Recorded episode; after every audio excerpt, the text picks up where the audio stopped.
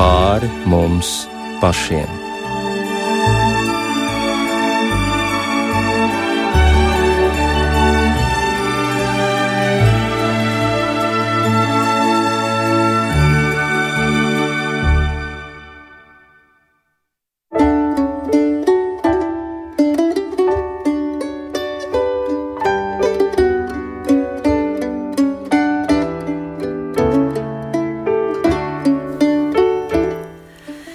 Sveicināti rādījumā pāri mums pašiem, lai ir slavēts Jēzus Kristus. Studijā Inte Zēgnere par skanējumu rūpējas Iveta Zvejniece, bet mūsu raidījuma viesis ir teoloģijas doktors no Šveices, Logano universitātes profesors un priesteris Andris Marija Jermanis. Labvakar! Labvakar!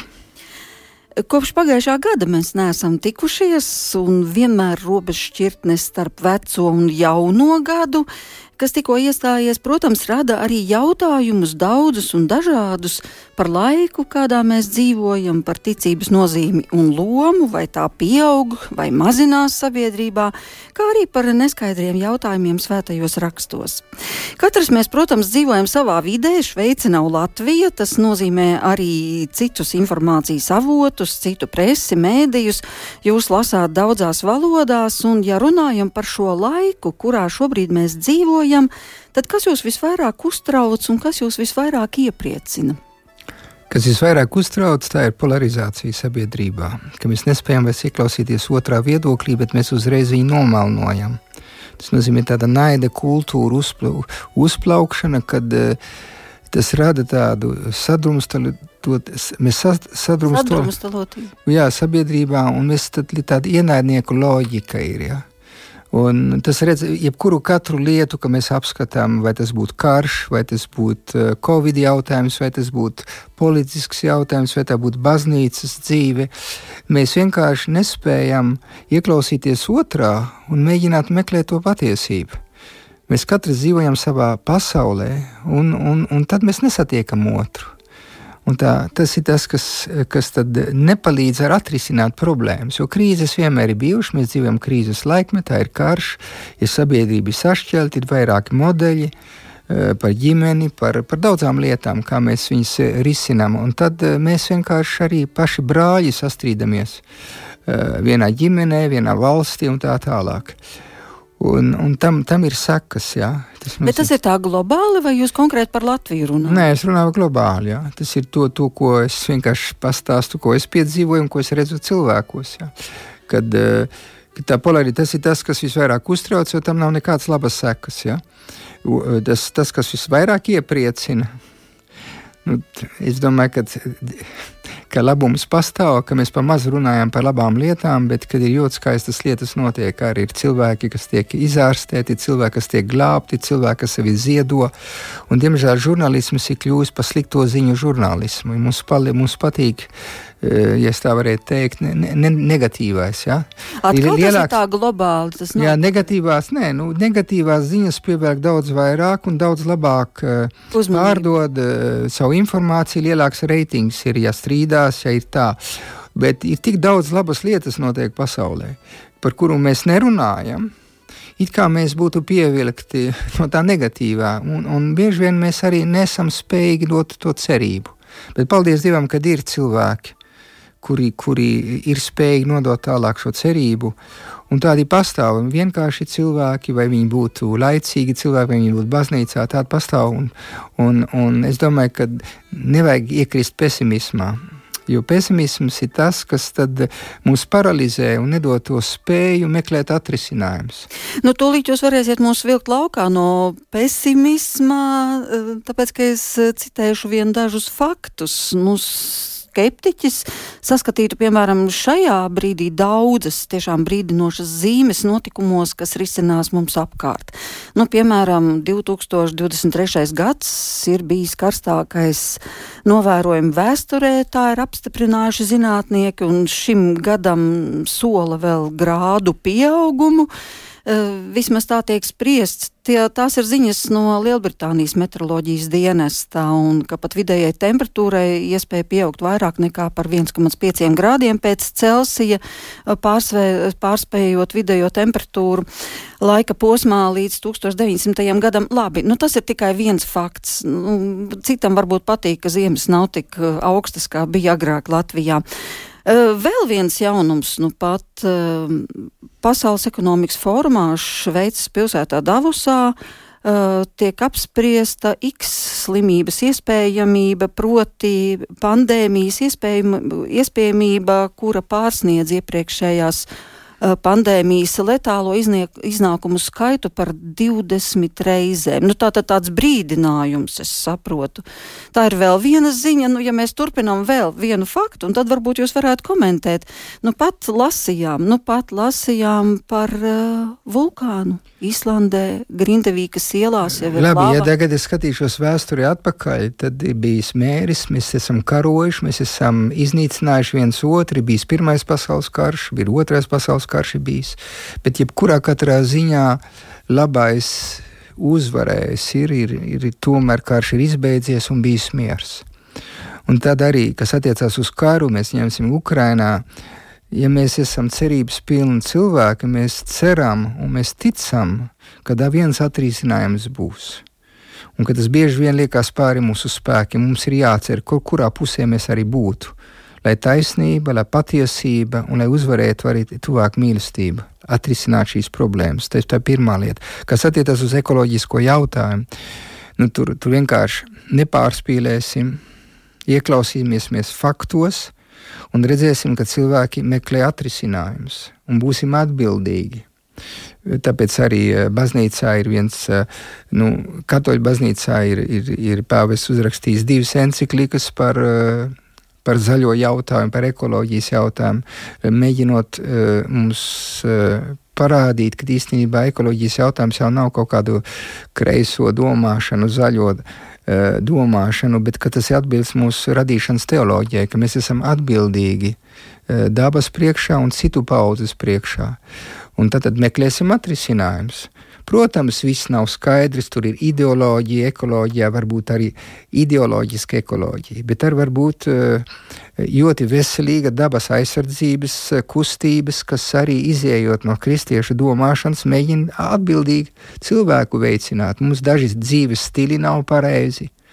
Mēs izšķērdējam tik daudz lietas, varbūt varam izlabot dažas uh, lietas mūsu dzīvē.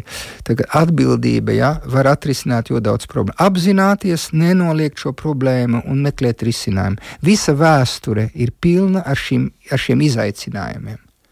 Nu, un un tas ir viens liels izaicinājums. Nu, un ko jūs sakāt par šo sagatavošanos X slimībai? Tas vēl viens tāds pārsteigums. Nu, redz, redziet, nu, tie, kas būs sazvērestības teorijas aizstāvi, tie pateiks, jā, tas jau viss ir izplānots.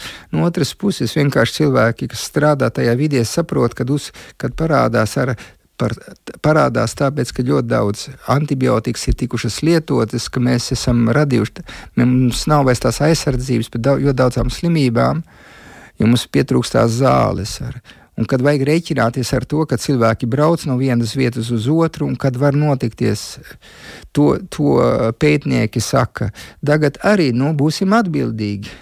Mēs esam piedzīvojuši vienu pandēmiju, to lasījuši dažādos veidos. Uh, bet cilvēks, eh, kur, kurš ir ar saprātīgu, veselu prātu, eh, sapratīs, ka eh, viņam ir jārisina tā problēma. Nebūsim alarmisti, nebūsim tādi, kas visu negatīvu redz, bet ticēsim, uz, ka mēs kopīgi varam risināt tās problēmas. Un tas nav tāds sauklis, ja? bet mēs esam kopīgi risinājuši šo daudz problēmas pagātnē. Nu, ņemsim ņemsim uh, tuberkulozi, kas bija, ja, vai ņemsim mēri, ņemsim tik daudz lietas, un cilvēks ir atrisinājis viņas. Bet tas prasa kopā atrisināt. Ja katrs domā tikai par sevi, tad ir grūti atrisināt problēmas. Bet eh, jūs sacījāt, nu jā, nebūsim sazvērestības teoriju piekritēji. Eh, tomēr mazliet tā dīvains skan fakts, ka mēs nezinām, kāda varētu būt šī pandēmija, bet tajā pašā laikā zinām, ka tā varētu būt 20 reizes nāvējošāka par iepriekšējo, bet ja nav zināms, nu, ne, nu, tagad, tagad es jums nevaru komentēt to, ko jūs man nolasīt. Es ar to informāciju lasīju, bet, bet nu, kurienes viņa nāk šī informācija, kas ir patiešām pateikts? Jo jo daudz, jo daudz notiek fake news, kā saka, un jo daudz tiek alternatīvas patiesības pasniegtas, bet kas atbilst realitātei? Un, un kā tas īstenībā ir. Un tad arī sensācijas, eh, iebaidīt cilvēku, sensāciju žurnālisti. Un, uh, mēs to informāciju esam saņēmuši no vairākām pusēm, kad, uh, kad varētu nākotnē attīstīties arī piemēram ar to, kad notiek atkustnes, jā, Ziemeļa Sibīrijā, vai tas nozīmē, var uzpeldēt uz augšu visi tie vīri, kas uh, vīrusi, vīrusi. vīrusi, kas ir paslēpti bijuši, kurš tagad atmožās, pamožās, jā. Un, un varētu ārkārtīgi bīstam būt. Par to, par to runā. Tieši pilnīgi no. Tas nozīmē, ar to mums jārēķinās, bet tāpēc arī uh, mums vienā brīdī būtu jābūt ar uzticībai pret tiem, kas strādā tajā vidē, un arī pret zinātni. Pat ja tā zinātne var pārskatīties, bet arī zinātne ir atrisinājusi ārkārtīgi daudz problēmas. Nu jā, un tad varētu vaicāt, kāds šim visam sakars ir ar ticību un sakars būtu ar reliģiju. Bet tad tomēr mēs varbūt varētu no, pavērtēt, jā. jā. Bet ar reliģiju es domāju, ka ir liels sakars. Vispirms, kad neviena situācija nav bezcerīga kristīgā skatījumā, jo vēsture un pēdējais vārds pieder kungam, kurš visu radījis un, un pakļāvis visu. Viņš mums tikai ir uzaicinājis piedalīties uh, atbildīgi šīs zemes uh, problēmas risināšanu un padarīt to auglīgu. Un tas uzdevums, kas tiek dots radīšanas grāmatā pašā sākumā, viņš turpinās. Ja? Dievs mums ir uzticējis šo pasauli un mums ir brīdinājis. Ja? Kad, eh, ja tu, ja tu risinās problēmas tādā veidā, ja tu neaizmirsīsi Dievu, tev būs, tev būs šī cerība, lai atrisinātu. Jeb citādāk, tu iekritīsi kaina abela loģikā, tu iekritīsi bābeles torņa loģikā, kur neviens nesapratīsies, kur tu sāksi cīnīties. Un tur ir tas, eh, tas impulss, kas tiek dots, ko ticība mums atver tādu uh, cerības loku un arī mūs sauc, mūs aicina uz atbildību. Būsim atbildīgi, ja? jautājumu priekšā, nebūsim kā štraus, kas paslēp savu galvu un nedomā, nē, ir problēmas, neteiksim, ka šodien viss ir kārtībā. Jā, ir karš, jā, var ar kļūt par pasaules karu. Uh, protams, tas tā ir. Būsim realisti, bet arī nebūsim bezcerīgi. Jo tas ir tas, kas, kas neko neatrisina. Bet realists izanalizē situāciju un tad saka, ko mēs varam darīt. Un mēs problēmu kopā varam risināt. Un tā ir tā līdzatbildība, solidārā uh, garīguma, solidārais garīgums, sociālais garīgums, ko ticība atnes.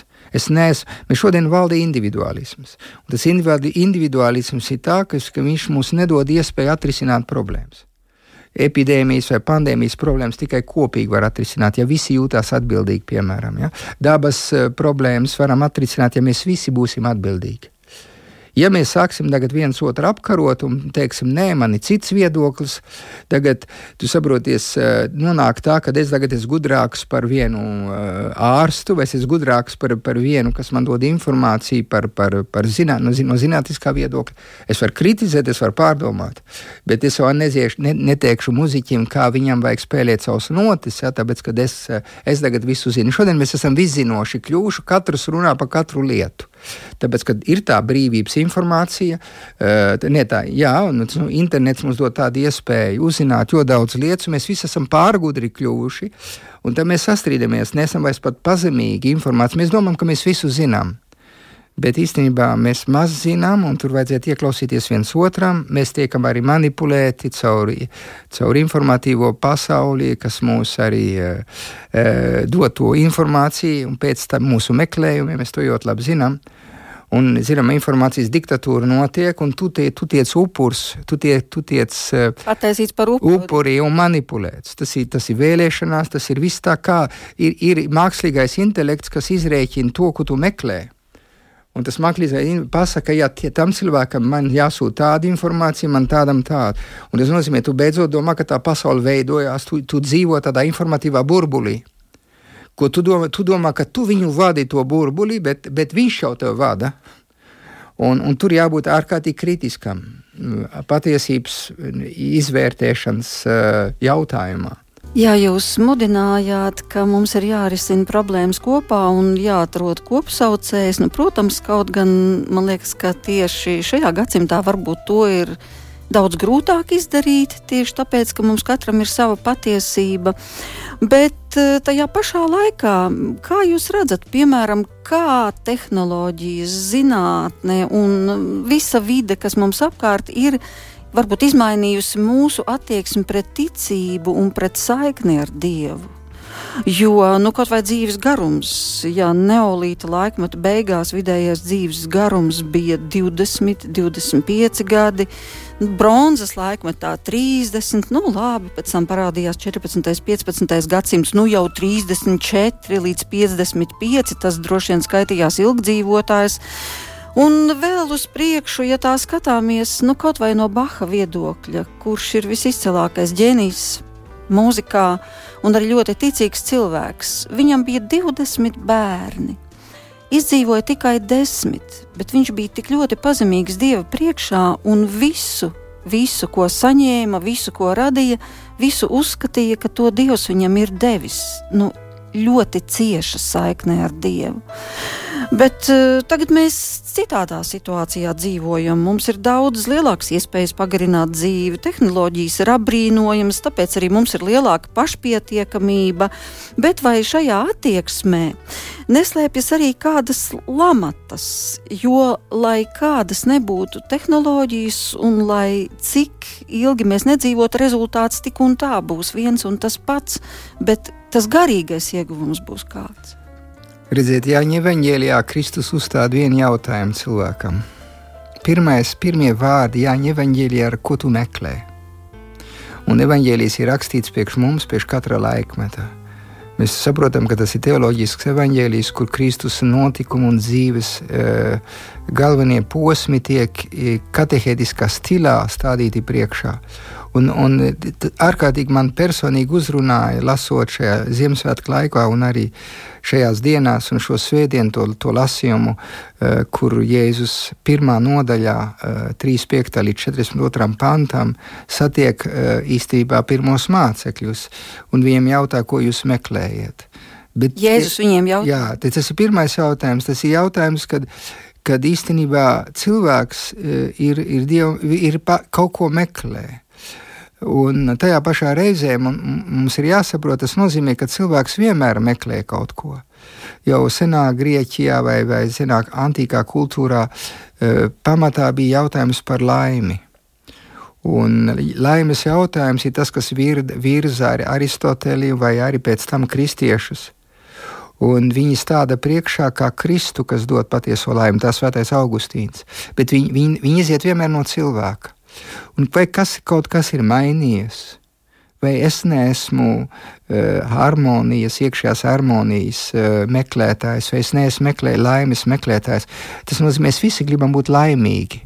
Bet mēs tās atbildes, ko, ko dod zinātnē, vai tehniski, tehniski, ko viņi dod, viņi man dod ļoti daudz atbildes bet viņi man nedod visas atbildes. Es, viņi man nedod dzīves jēgu, viņi man nedod uh, jautājumu, viņi neatbild uz jautājumu, no kurienes es nāku, uz kurienes eju, kā man ir jādzīvo. Viņi nedod arī jautājumu, nu, kāpēc es neesmu atbrīvots uh, no daudzām lietām, no morāliskām kļūdām. Un te, te, te kaut kas cits parādās. Ja? Te, te parādās uh, filozofija, māksla un, un reliģija, kas ir vajadzīga, kas kaut ko vairāk dod nenoliedzot či, citas atbildes. Mēs vienkārši mēs esam aicināti skatīties tālāk un saprast, ka, ka zinātne kā tāda nebūs pēdējā atbilde. Gan Einsteinam bija jautājumi, gan visiem lieliem pētniekiem, ja viņi godīgi, viņiem ir jautājumi pēc, pēc kārtības, no kurien tā nāk un kā mums ir jādzīvo, kāda ir dzīves jēga. Jo ko tas nozīmē dzīvot 60 vai 70 vai 100 gadi? 100 gadi arī pamaz. Ja? Un, un, un jo vecāks kļūst, un ja, ja, ja cilvēks laimīgs ir, viņš grib ilgāk vēl dzīvot, bet nekas vēl nemainīsies, tik un tā izbeigsies. Tie tie, tie pamat jautājumi, kas man atbildēs uz šiem jautājumiem, un tās ilgas kungs, kas Kristus, kas jautāja katram no mums, ko tu meklē, un es domāju, šodien arī baznīcai un evanģelizācija nevar notikt Kristus pasludināšana un reliģija rietumu pasauli nevar notikt, ja tu neuzstādi jautājumu no cilvēkam šodien. Mēs varam runāt abstrakt par Dievu, Dievs ir nācis pie mums un tā tālāk. Paties, tas ir paties, bet, bet eh, neviens eh, jau slims, slimais jau neies pie ārsta, ja viņš nezinās, ka viņš ir slims. Un, un Kristus ir glābējs, viņš jau nāk dot atbildi mūsu tukšumam, mūsu bezjēdzīgumam, mūsu šķidrai sabiedrībai. Mums vajadzētu la, labāk izlasīt Sigmunda Baumana grāmatas, ja, tas, kas ir bijis liels uh, filozofs un sociologs, polis, anglis, ebreju izcelsmes, kas uzrakstījis brīnišķīgas grāmatas. Es latviešu ir iztulkots, es vismaz vienu zinu, uh, šķidrā modernitāte, bet ir šķidrās bailes, šķidrā mīlestība, šķidrā demokrātija, fantastiskas grāmatas, ja, kurš vienkārši kā sociologs pēta, ko cilvēki domā šodien. Nu, viņš tagad nomiris, bet pēdējos 30, 40 gadus. Un vienkārši cilvēks paliek vienmēr meklējošs. Un tas mūs raksturo. Un tas ir tas, ko mēs mums pirms, mums pirms jāuzstāj šis jautājums, ko Kristus, ko jūs meklējat. Ja?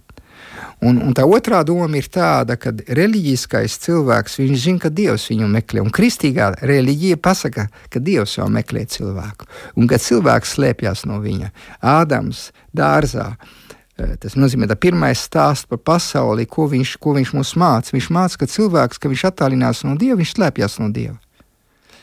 Kur tu esi, Ādam? Un šis jautājums iet cauri visu vēsturi, caur mākslu. Dievs te uzrunā tavā sirdsapziņā, bet tu slēpies no viņa. Mēs visi mēs slēpjamies. Un tajā brīdī Dievs pats ienāk pasaulē. Tā ir kristietības oriģinalitāte. Tu slēpies no manis, bet es tevi meklēju. Tad, ja no viena, vienas puses, ja kungs man uzstāda jautājumu cilvēcei visai, ko tu meklē, un Jāņa evaņģīļā, ko tu meklē, tāpēc, ka Dievs mani meklē. Un tagad tā, tā atbilde ir ļoti, ļoti viņa atbilde nav kaut kādā filozofiskā domāšanā vai kaut kādās idejās. Atbilde ir nāc un tu redzēsi. Ja? Nāc un tu redzēsi. Kur, jebkur tu dzīvo, viņi neprasa kristumu, kāda ir tā doktrīna vai kaut kāda augstākā gudrība. Nē, kur tu dzīvo, tas nozīmē. Un Jānis, Jānis to mums grib parādīt. Tas nozīmē, kur ir būt labi kopā. Tas nozīmē, eh, tā, kur, ir, kur ir būt labi komunijā, kā saka nu, katoliskie kristieši, no katoļu baznīcas kristieši, ka viņi runā par komuniju, bet, bet uh, tas ir tā klātbūtne. Kur ir labi būt klātbūtnē, kur labi justies ar tevi? Kungs, kur mēs to varam piedzīvot.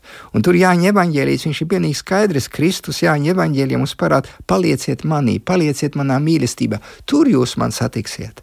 Bet ir skaidrs, ka man ir jāmeklē, nāciet, Man ir jābūt dinamiskā procesā, un Dievs, tu redzēsi Dievu. Viņš sev atklās sevi, tevi, savu klātbūtni, iekšējā kontemplācijā, lūkšanā, garīgajā dzīvē. Jā, bet ļoti interesanti par šo pieminēto autoru eh, Baumanu un par viņa to mm, formulējumu šķidrā sabiedrība un vēl daži aspekti, bet tad man vai, vajadzētu vaicāt, vai varētu sacīt arī šķidrā ticība attiecībā uz 21. gadsimtu? es jau pilnīgi jūs samulsināju, tagad jums būs vajadzīgs ūdens. Jā, šķidrā ticība. Nē, nu, tāpēc, ka cilvēks, kas tic, arī ir sava laikmeta cilvēks un savas kultūras cilvēks. Uh, un tas jā. nozīmē, ka mēs dzīvojam laikmetā, ko mēs varam pateikt, modernais laikmets, Modernais laikmets ir apgaismības laikmets, kas uh, izaicina cilvēku uh, atsaukties uz savu prātu un būt kritiskam pret visu. Tā ir pirmā lieta. Un tas ir veicinājis tā, ka mēs esam kļuvuši kritiski pret jebkuru katru autoritāti. Un nepietiek vairs pateikt, Bībele to saka, vai pāvests to saka, vai, vai nē. Mēs paši gribam pārbaudīt, un mēs arī sākam visu apšaubīt vienu brīdi.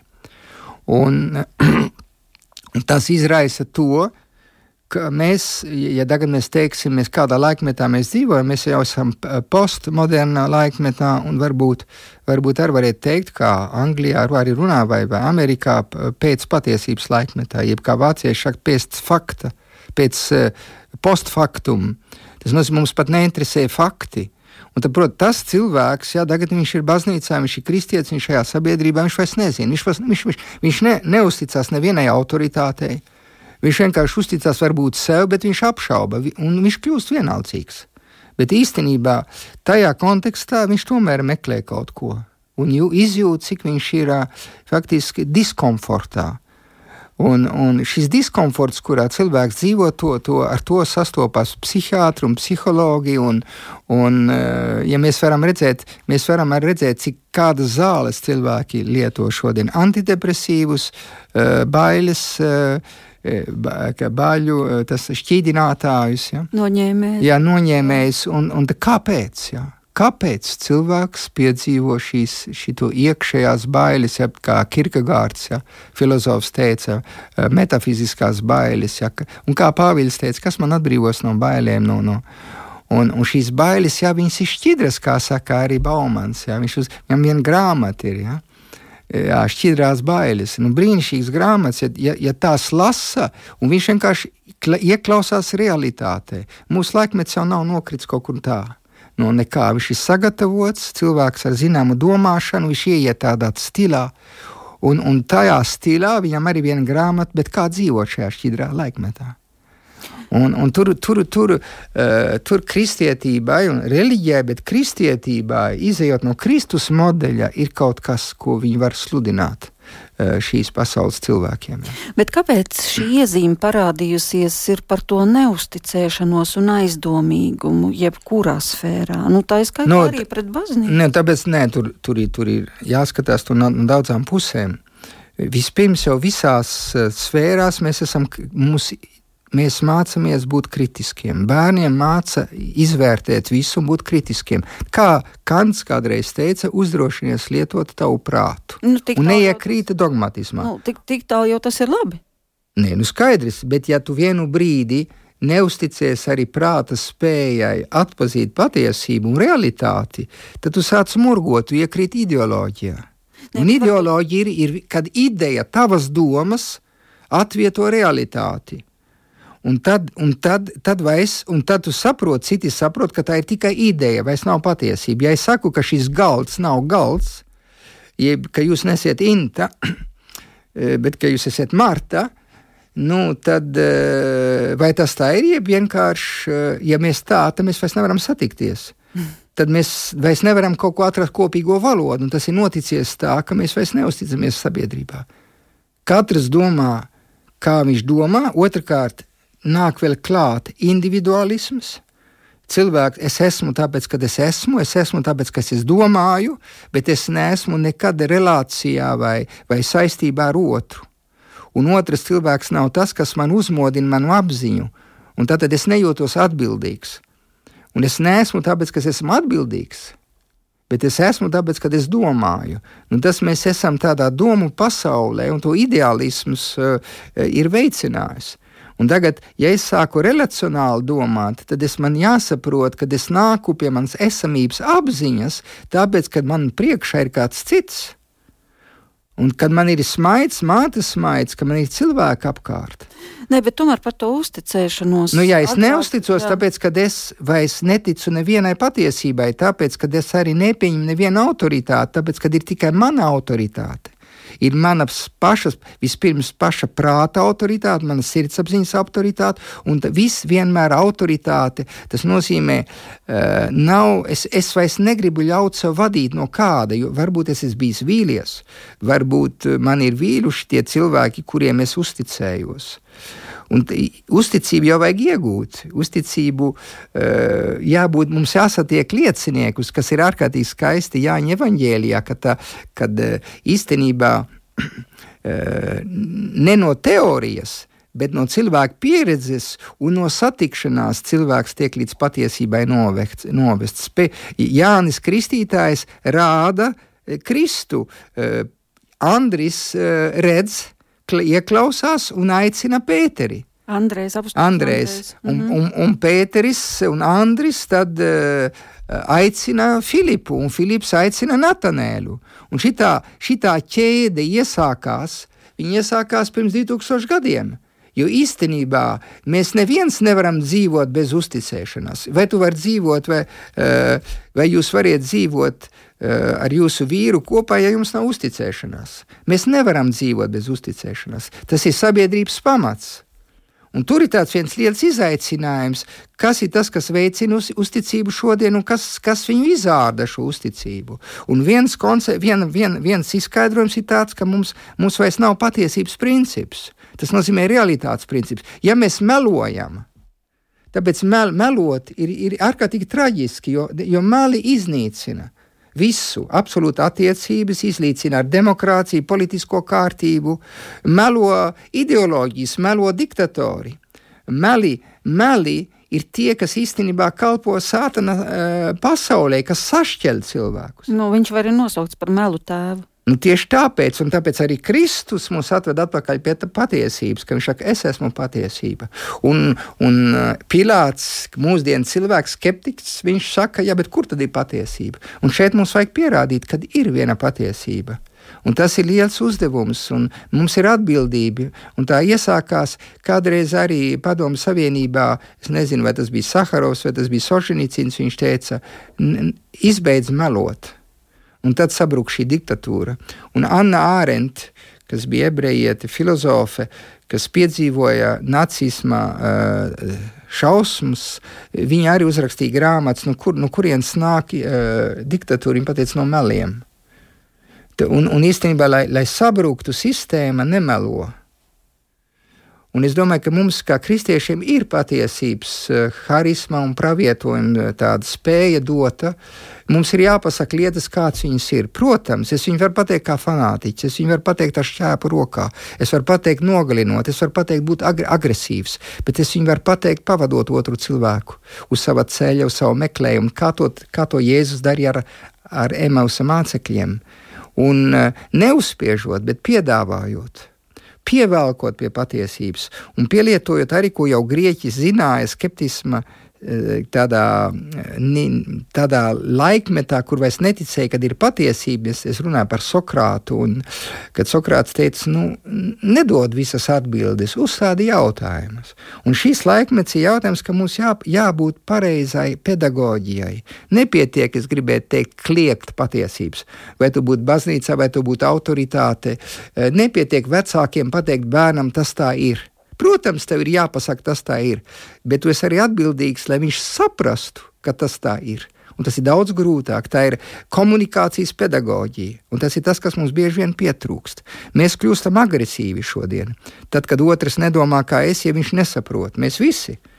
Mēs strīdamies, mēs gribam otram uzspiest, bet mēs negribam ieklausīties otrā. Un dialogs patiesais dialogs patiesībā, viņš notiek tiešām tad, kad es mēģinu iet otrā loģikā. Dialogos nozīmē to. Un tas ir, tas ir stils, dzīves stils. Risināt problēmas, ieklausoties otrā. Jā, jūs mani pārsteidzāt ar šo formulējumu par šķidrajām bailēm un šķidro sabiedrību, un tad es pievienoju vēl klāt arī šo šķidro ticību. Bet uh, Tāds jautājums ir par sabiedrību kopumā. Nu, mēs dzīvojam 21. gadsimtā, šobrīd, mūsdienās, tā kā mēs dzīvojam, un, protams, ļoti daudz kas notiek ne pēc dieva likumiem. Mēs redzam, Eiropa sekularizējusies, un tas jau tagad ir tā kā pilnīgi dogma bezmaz vai. Bet e, sekularizētā vidē, nu arī tā ticība kļūst vājāka, jo iedarbojas, nu, nezinu, tāds masveidības princips bet visi jau tā dzīvo. Un vai arī tās nav lamatas, ka kamēr mēs esam barā un kamēr dzīvojam kā visi, tikmēr mēs jūtamies daudz maz vērti. Bet tad, kad tiek sasniegta tā dzīvības nāves robeža, tad tev ir jāatbild vienam pašam Dieva priekšā, un tev vairs nekāda sabiedrības aizmugure neeksistē, un arī sabiedrībai ir gluži vienalga, jo katrs atbild individuāli. Vai tās nav tādas lamatas? Kā vienkārši tā vide mums saka, hei, viss ir labi. nu, paklausies, jaunieši neprecās, nu, visi tā dzīvo, nu, tur šķirās, nu, visi tā dzīvo. Nu, viss, kas ir tā kā pret svētajiem rakstiem un ko Dievs saka, nedari tā, ja? nezodz, nu, labi, neturpināsim. Ideja skaidra. Ko jūs par to domājat? Un tad tās lamatas ir. Ka tev prasa vienam pašam, tev neprasa, kā dzīvojas. Es domāju, ka vajag kopumā paskatīties uz 2000 gadu baznīcas vēsturi. Ja? Sākumā mēs, baznīca ir kristieši minoritāte. Iedomājieties, šie zvejnieki, kas atstāja Galilejas jūru un kas aiziet, kas ir noticis dzīvē, ka viņi upurē dzīvi un kļūst par, par upuriem un par, par mocekļiem ja, Romā. Caurmērā visi nomirst, izņemot Jānis. Un uh, tad ir jādomā, un 300 gadus kristieši ir, ir, ir uh, spējuši ietekmēt sabiedrību. Ne jau ar ieročiem, ne jau ar šķēpu, bet ar radikālu uh, Kristus mācību izpildīšanu un atceroties, ka, ja tu esi zemes, ja tu neesi zemes sāls, uh, tad, uh, ja tu zaudē uh, to, to garšu, tev vienkārši tev sabradās. Tas nozīmē, tur mēs varam mācīties, ka nevajag zaudēt cerību, ka konteksts var būt pilnīgi citādāks, nevajag uzbrukt tai sabiedrībai, kurā mēs dzīvojam, bet mēģinām saprast, kā es varu ar pacietīgi būt, pi, dzīvot pilnīgi tā, kā Kristus man ir aicinājis. Šeit ir jautājums par identitāti. Un kā mēs to identitāti paturam šādā pluralistiskā eh, sabiedrībā? Viņa tāpat bija baznīcas sākumā. Bija tikpat daudz reliģijas Romas impērijā, vēl trakākas, un eh, ne, negāja, neuzbruka kā mēs šodienam. Jā, tā jau ir sekularizēta, šī ir tāda pasaule, bet vienkārši domāju, ko, kā es varu pats būt un nest tos augļus. Un šodien mums ir krīze, jo mēs esam nonākuši no vairākuma pozīcijas, socioloģiski skatoties, minoritāte. Un tagad mēs sakām, viss ir pazudis, nekas, nekas vairs nav. Bet mums jāpiecās, ka mums cits, cits veids ir jāpieņem. Tas nozīmē, mums jāaiziet uz ārā, mums jāsāk evanģelizēt. To jau Jānis Pāvils II kādreiz savā laikā pateica. Ir pienācis laiks evanģelizēt Eiropu. Bet to tu vari izdarīt tikai caur liecību, ne caur bļaušanu, caur kliekšanu un caur, caur polemizēšanu, bet vienkārši tu vari to izdarīt dzīvojot, kur pēc tavām iespējām, kur tu esi pēc Kristus mācības. Tas prasa citu dzīves stilu. Vai mēs esam gatavi to darīt? Ja mēs esam tikai uh, cīnāmies kaut kādā ideju līmenī, un mēs kaujamies, un mēs uh, nesam spējīgi iet kopā ar šo sabiedrību. Mēs, ja mēs vienkārši pasakām, labi, šī sabiedrība ir zaudēta, un lai viņi arī nomirst, mēs izglābsimies, mēs tie izredzētie. Tas ir tāda apakaliptiska domāšana, bet tāda nebija pirmiem kristiešiem. Un Pāvils pats sacēlās pret tā. Viņš teica, ko jūs negribat strādāt? Jūs gaidiet, lai Dievs atnāktu? Nē, strādājiet un dzīvojiet un atbildiet. Jūs esat atbildīgi par šo sabiedrību. Drīzāk es domāju par tādu brīdinājumu, par to, ka kamēr mēs esam tajā kopīgajā vidē, tikmēr arī nu, dzīvot pret dieva likumiem ir diezgan droši, tāpēc ka apkārt arī ir cilvēki, kas tā dzīvo, bet tās lamatas ir tur ka tu atbildēsi tik un tā viens pats, un Dieva priekšā tu nostāsies viens pats, un tu nevarēsi pateikt, jā, bet es dzīvoju 21. gadsimtā, un visi tā dzīvoja, ka tur ir tā bīstamība. Nu, bīstam... Atbildēt nāksies katram individuāli. Jā, jā, bet mēs nedzīvojam abstrakti, mēs nedzīvojam, mēs dzīvojam vienā laikmetā, vienā ģimenē, mēs dzīvojam vienā sabiedrībā, un ir laikmets, kas tev palīdz un kas tev nepalīdz. Tagad ir ārkārtīgi interesanti, ka jau 20. gadsimta sākumos un, un starp 20 un 40. gadu daudz jau kristiešu domātāji pateica, šī kristietība neizturēs. Tāpēc, ka tā ir tikai socioloģiskas kristība daudziem. Tā kristietība nav aizgājuši līdz iekšējās dzīves izpratnes. Mēs ejam, mēs darām, tāpēc, ka visi iet uz baznīcu, sabiedrība ir, ir zināmā kārtībā, mēs sekojam, jo tas ir izdevīgi. Un to, to var atrast jau 30. gados, par to runā, vai tas būtu Latvijā, vai tas būtu Francijā. Par to, to redz, ka kaut kas nav līdz galam izprasts. Un tagad mēs esam minoritātes situācijā, kur mums ir jāpiedzās, nu, ja tu gribi būt kristietis, nu, tad dzīvo citādāk. Šeit ir tā apziņa nenostāties pret pasauli, bet būt pasaulē un būt zemes sāls. Tāpēc, jūs ziniet, baznīca sākumā viņa varēja izvēlēties starp klosteru dzīvi un starp draudzes dzīvi. Un jūs zināt, ko nozīmē draudzē latīniskas parokijā, vai tas nozīmē dzīvot starp mājām. Un viņi saprata, ka nepietiek būt tikai kristieši uh, klosterī un pievilkt cilvēkus klosterī, bet nozīmē iet dzīvot starp mājām. Un tas latviešu valodā uh, draudzē to ne, neizsaka to, ko nozīmē parokija.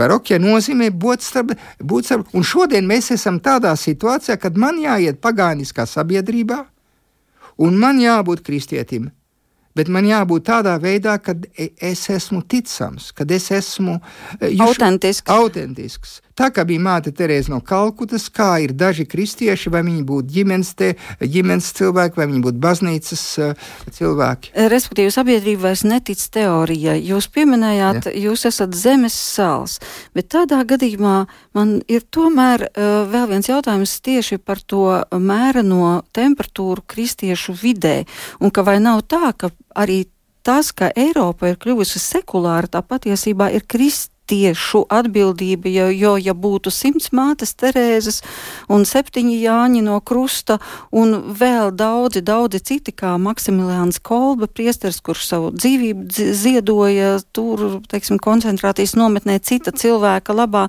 tad tā ir ticība, kas ir reāla, kur ir milzīgs dievu spēks, bet ja kristiešu ticība ir remdena, tad tāpēc arī nenotiek brīnumi, nenotiek tādas dziedināšanas, un tad tiek teikts, nē, nē, tās dziedināšanas un tie brīnumi, tas jau bija vajadzīgs tikai sākumā, lai kristīgā ticība izplatītos, bet tā nav svētajos rakstos rakstīts.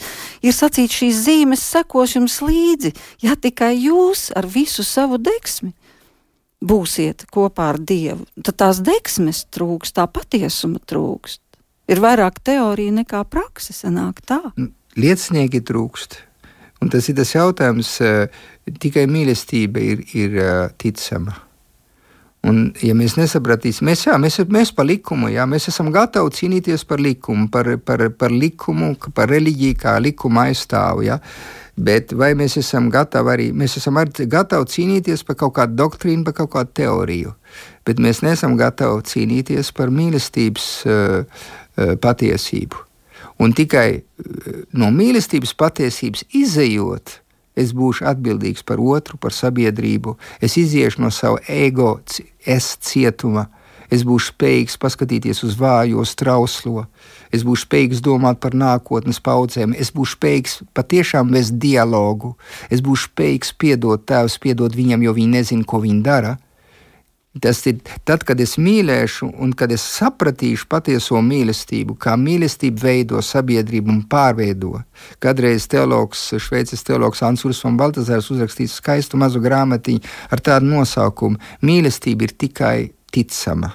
Viss pārējais nepārliecina. Un kādreiz eh, Benedikts 16. Ratzingers mēģināja izskaidrot, kāpēc starp visām reliģijām, kas bija vidusjūrā, ap vidusjūru uzplauka kristietība. Viņš teica, tāpēc, ka salikt, kristietība bija spēja salikt kopā juridisko domāšanu, legālu likumi, likumu domāšanu, ko, kas nāca no ebrejiem, ar filozofisko domāšanu, ar, do, ar prāta lomu, kas nāca no Grieķijas, un salikt to kopā ar mīlestības atklāsmi. Un tas vienoja prāts, kas nemīl, viņš ir abstrakts un vēss.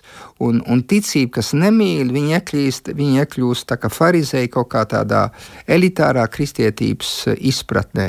Bet tur, kur ticība un prāts un mīlestība iet kopā, tur uzplauks kristietība. Un ja, ja nav dedzības, tāpēc ka nemīli.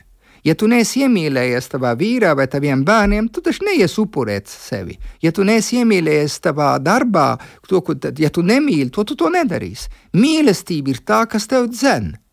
Un tā mīlestība kristietībā tā nav tā, kā pasaule mīl. Kristus mums saka, mīliet viens otru, kā es jūs esmu mīlējis. Un, kā, un tas mīlestības paraugs, viņš ir krustā. Tad, kad es ziedoju sev, tad, kad cilvēks vairs negrib ziedot sev, tad viņš vienkārši, viņ, viņš vienkārši nav gatavs nemirt par savu tēviju, nemirt par savu ģimeni, neatdot sevi kalpošanā. Viņš nav gatavs kļūt par priesteri, viņš nav gatavs ziedot sevi, tāpēc, ka trūkst mīlestības izpratne. Ja tu nemīli, tu, nede, tu nedegsi par vienu lietu. Jā, nu, un tad ir vēl viena ļoti svarīgi vārdi no apustuļa Pāvila vēstules romiešiem, kur ir skaidri pateikts, un to viņš saka kristiešiem, un netopiet šai pasaulē līdzīgi, bet pārvērtieties atjaunodamies savā garā, lai pareizi saprastu, kas ir Dieva griba, to, kas ir labs, tīkams un pilnīgs. Un tad man ir jautājums, cik lielā mērā un vai baznīcai būtu jāpielāgojas pasaules prasībām. Baznīca nepielāgojas pasaules prasībām. Baznīca sludina Kristu konkrētā situācijā pasaulē. Ja mēs pazīstam baznīcas vēsturi 2000 gadu ilgu, mēs redzam ļoti labi, kā baznīca mēģinājusi runāt, uzrunāt sabiedrību. Ņemsim baznīcas stāvi. Tad, kad filozofiskā domāšana ir uzplaukusi, tad viņi mēģina parādīt, ka šī filozofiskā domāšana ir saistīta ar to gudrību, ko Dievs ir devis. Un apustulis Pāvils pats saka, viss, kas ir labs, ņemiet. Un ir baznīcas tēvi, kas pat gribēja salīdzināt filozofisko domāšanu ar veco derību. Jo viņi uzskatīja, ka to, ko prāts var atklāt, un šī gudrība, Dievs to ir devis cilvēkam. Tad, ko es redzu? Tas nozīmē, bet es varu arī, protams, uzrunāt pasauli un aizmirst. Uh, es, es, es varu arī aizmirst manu identitāti. Un šeit vienmēr būs bīstami, bīstamība. Svētais Augustīns jau uh, savam draugam Pelāgijam teica, uh, labi filozofija, labi prāta darbība, bet neaizmirst nekad, kad Kristus ir miris, lai mūs izglābtu. Jo, jo tur tā problēma vienmēr par, ir pastāvējusi. Kā Eh, nodot tālāk Kristus eh, vēstījumu pasaulē. Un tas izaicinājums viņš ir un būs līdz mūža beigām. Un vienmēr būs tā, eh, vai es runāšu tādā valodā, vai es runāšu tādā valodā un manā vidē, un es ar to nodarbošos, jeb es iešu ar satikt tos, kas ir ārpus baznīcas. Bet Tad, nepielāgošos. Kristus ar pielāgo, tas nozīmē, ko nozīmē pielāgoties. Es, eh, nu, piekāpties, nozīmē, piemēram. Ne, bet es, arī, es varu arī būt pakāpenisks savā loģikā, ko es sniedzu. Baznīca, piemēram, kad viņi sagatavoja pirmos kristiešus, kas bija jau, jau pieauguši uz kristību sakramentu, viņi visu uzreiz neteica. Viņi pakāpeniski atklāja. Un šodien, ir, šodien ir viena lieta, ir tāda, ir cilvēki, kuri nezina, kur ir šī patiesība, un viņi par to nerunā. Bet tādi cilvēki, kas arī sludina to patiesību, domājot, ka cilvēks var visu saprast un uztvērt. Un tad, kad tu to nesaproti, tad tev nosoda. Bet mums, mums šodien ir komunikācijas problēma. Un tas ir liels izaicinājums, kā es varu nodot tālāk šo patiesību, ko Kristus man ir devis. Tādā uh, izpratnē, ka cilvēki to var uztvērt. Komunikācija ir ārkārtīgi svarīga. Es varu runāt ar naidu, es varu runāt agresīvi, es varu, būt, es varu runāt nesaprotamā valodā.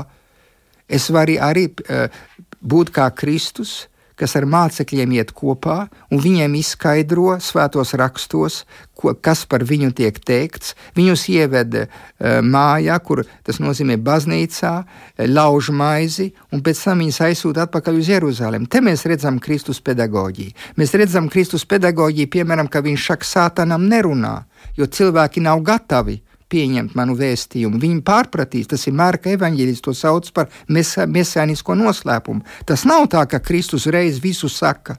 Tāpat mēs šodien ar mūsu bērniem arī visu nesakām. Divu vai trīs gadu vecu bērnam mēs nesakām. Tā tad ir pakāpeniskums, bet man jāzina, uz kurienes eju. Lai atklātu un saprastu, kāpēc otrs cilvēks saprot vai nesaprot. Nu, tas ir, tas ir uh, Apoloģētika ar to ir nodarbojusies, fundamentālā teoloģija, katehēze ar to nodarbojas, un vecāki, kas ir veselīga domāšana, viņi saprot, ka viņiem ir. Viņi nevar visu pateikt bērnam uzreiz. Un tāpat arī baznīcai jāsaprot, ko viņi var, kādā brīdī viņi var runāt un kādā valodā. Bet būtu problemātiski, ja kristieši atteiktos nodot tālāk saņemto patiesību. Bet tā tad arī Dievs mums eh, savu patiesību, ja vien mēs esam gatavi uztvert, tad pakāpeniski mēs to iepazīstam aizvien vairāk un vairāk. Tad varētu teikt arī tā. Nāc un seko man, un tad tu sapratīsi, nāc un dzīvo ar mani. Un tas nozīmē dinamiskais process, vai tas būtu svēto dzīvē, vai mēs ņemsim Terēzu no Aviles, vai tas būtu jūsu vai manā dzīvē. Jo gadi iet, jo mēs labāk saprotam kā Benedikts, kad viņš atteicās būt par pāvestu, viņš, viņš teica, tagad man būs laiks iedzināties vairāk Kristu un vairāk viņu mīlēt. Es domāju, ka mums ir jāsaprot, ka tas, mēs nekad nesam sasnieguši to gala mērķi. Mums jāiet vienmēr tālāk. Ko mēs varam pārmest, pārmest mūsu laikmetam? Tas cilvēks, kas saka, ka viņš neko nemeklē. Ka viens cilvēks saka, šaubos, es to varu saprast, ka mani citi uzskatīja, bet jautājums ir, tā, vai tu meklē? Un ja tu meklē, tu atradīsi. Jā, un paldies ar šiem vārdiem. Arī noslēdzam šī vakara raidījumu, kurā piedalījās teoloģijas doktors no Šveices, Lugano universitātes profesors un priesteris Andris Mārija Jaramanis. Kopā ar jums bija Inte Zēgnere, bet par skanējumu rūpējās Iveta Zvejniece.